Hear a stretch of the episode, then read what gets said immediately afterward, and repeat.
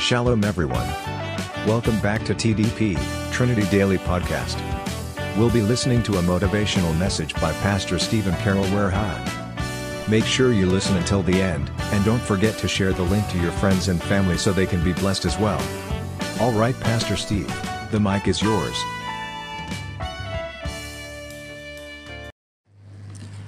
Hello, uh, this is Pastor Steve, and today in this episode, we're going to be looking at a question that probably all of us have asked at some time, others maybe more than um, some, and that is why doesn't God answer my prayers? I pray and I pray and I pray but nothing happens. I ask God for something, I don't get it. You know, I hear that from people all the time. But I've been praying. You know, we see in we see in Luke chapter 11 verses 9 and 10. It says, "So I say to you, ask and it will be given. Seek and you will find. Knock, and it will be opened to you. For everyone who asks receives, he who seeks finds, and to him who knocks it will be opened. So we read a verse like this, and that even confuses more. Because we look at this and it says, when you ask, you will, re- you will be given. And then in 10, it says, if you, when you ask, you receive. If you seek, you will find. You know, in the same way with knocking, you'll, it'll be open. And it's like, what's wrong with me? But then, if we look at James chapter 4, verse 3, you know, we, we I think we get a pretty good clue here. And that says, you ask and do not receive because you ask amiss, that you may spend it on your pleasures. You see, he says that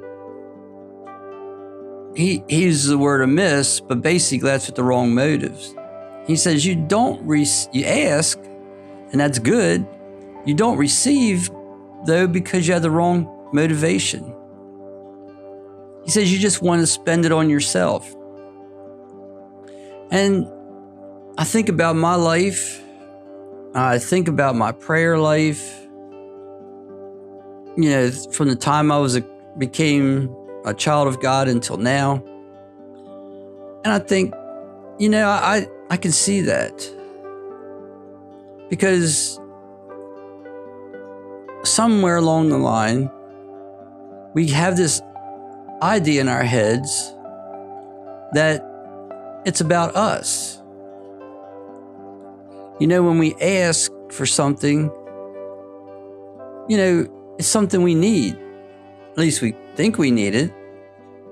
You know, we we we don't look at it as something that's frivolous or something that's not necessary. God probably does many times. He's like, why do you need that? What do you need that for? You know, we have to think about what prayer is really about. Prayer is about getting in line with God's plan and His will. It's not about getting God to see things our way. And so often, that's how we pray. We have this idea, we have this grand idea, and it may be a good idea. It may be there's maybe nothing wrong with the idea. It may not, you know, be unbiblical or sin or anything like that. It, it may be beneficial to God's kingdom, even. And we have this idea. And so we pray, Lord, make this happen. Lord, make this happen. I want this to happen. And when we pray that way, we had we may not think it, but it has that it conveys that idea that we're trying to convince God. And many times when we pray, we, we do that. We, we say, you know, this would be good for your kingdom because of this, because of that, because of whatever. You know, we've thought this thing through. And so we're trying to convince God that this is a good idea. God gets on board with it. All's good. But the problem is, many times, that's not what God's will is for us. It may be a great idea, it may be good for God's kingdom, but that wasn't God's will for us. And so when we pray, it's fine to have our own ideas. God gave us a brain. It's part of being made in the image of God. It's part of God's character. It's part of who we're supposed to be. So, yes, think, come up with ideas. But when you pray, we need to approach it from the aspect of Lord, this is my idea. This is what seems good to me. But what's your idea? And there's going to be times, there will be times when the idea that we, we were thinking initially is going to go along with God's will.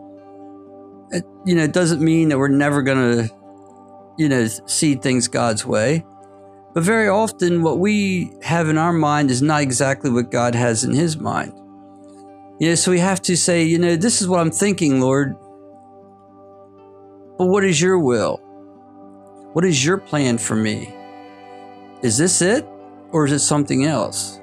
You see, our, our praying should go along with this idea of trying to, to, to reconcile what we think with God's will. Because His will is the one that's perfect. His will is the one that's going to work not necessarily ours. You know, we need if if it's God's will for us, then God's going to provide, God's going to, you know, do the groundwork to make it all happen. So we need to be careful how we pray. And not just to look at these verses and say, hey, the Bible says if I ask, I'm going to get it. No, no. You're going to get it if you ask according to God's will. You see, these three things are all hinged on God's will. Ask has the idea, when you ask, uh, has the idea of already knowing God's will. And so when you're when you're praying, you're confirming that and allowing God to speak to you. When you're seeking, when it says seek, it means you're earnestly trying to find God's will. You say, Lord, there's this situation going on. What is your will for me in this situation? You know, I think this, but what is your will? I mean, we're seeking to find God's will. And then the knock has to do with we, we know God's will, but we haven't received it yet. So we're very persistent. You know, Lord, you know, I'm convinced that this is your will. You know, you've you show me this, you show me that, or whatever it is. This is I'm convinced this is your will. And you just keep asking and keep asking, seeking God's timing, because His timing isn't always the same as ours. So we can see now that we have to be careful how we pray.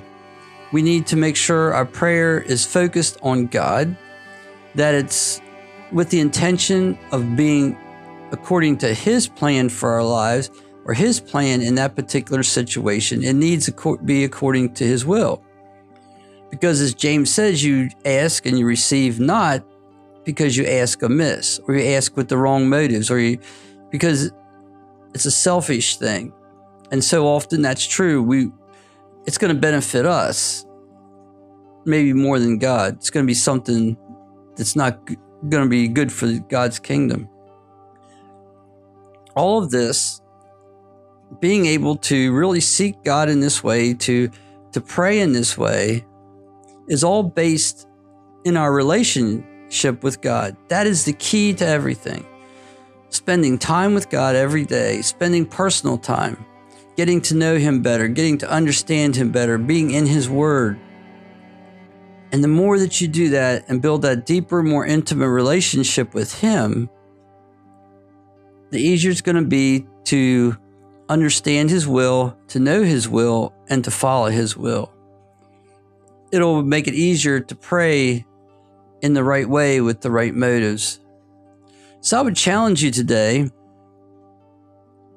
to think about your prayers. Even ask God to show you, you know, am I praying the right way? Is am I being selfish in my prayers? How do you pray? And be honest with yourself. Are you praying like God is your servant? Or are you praying like you are God's servant? I would challenge you to do this be careful the way you pray. Change the way you pray if necessary and see what God does. See if He's true to His word. See if He's faithful. I'm sure you'll find that He is. Let us pray. Dear Lord and Heavenly Father, we thank you for these words. We thank you for your love. We thank you for the fact that we can come to you in prayer, that, that you desire to hear from us. And Lord, I ask you to help us to discern our hearts. Are we praying with the right motives? Are we praying for us or are we praying for you? Are we praying to accomplish our will or are we praying to accomplish your will?